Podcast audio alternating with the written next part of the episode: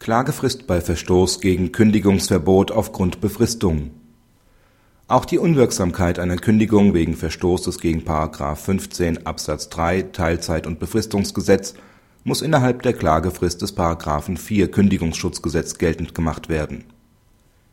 Der Arbeitnehmer ist seit dem 2.11.2007 bei dem Arbeitgeber im Rahmen eines bis zum 30.04.2008 befristeten Arbeitsverhältnisses beschäftigt obwohl der Arbeitsvertrag keine ordentliche Kündigungsmöglichkeit vorsieht, kündigt der Arbeitgeber das Arbeitsverhältnis zum 29.03.2008.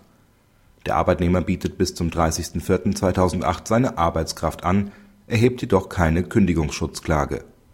Nach erfolgloser außergerichtlicher Geltendmachung von Annahmeverzugslohn für die Zeit vom 30.03.2008 bis zum 30.04.2008 holt er dies am 20.06.2008 nach der Arbeitnehmer macht geltend, er wehre sich nicht gegen die Beendigung des Arbeitsverhältnisses selbst, sondern nur gegen deren Zeitpunkt.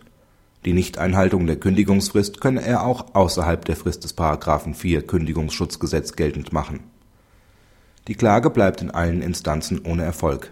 Nach Ansicht des BAG ist die Klagefrist des § 4 Kündigungsschutzgesetz auch einzuhalten, wenn die ordentliche Kündigung gegen das Kündigungsverbot des § 15 Absatz 3 Teilzeit und Befristungsgesetz verstößt.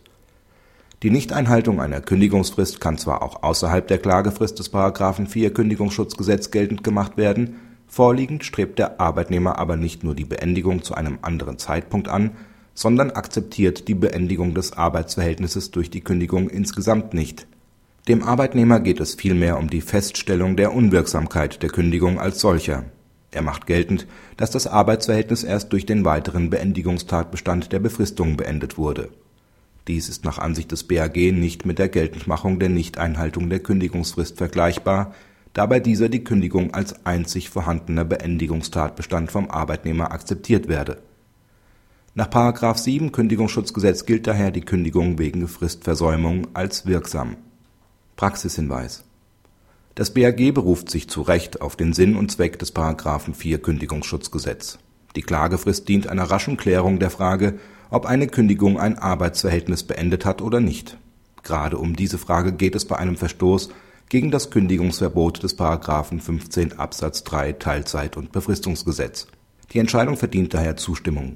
§ 4 Kündigungsschutzgesetz erfasst sämtliche den Arbeitnehmer schützende Unwirksamkeitsgründe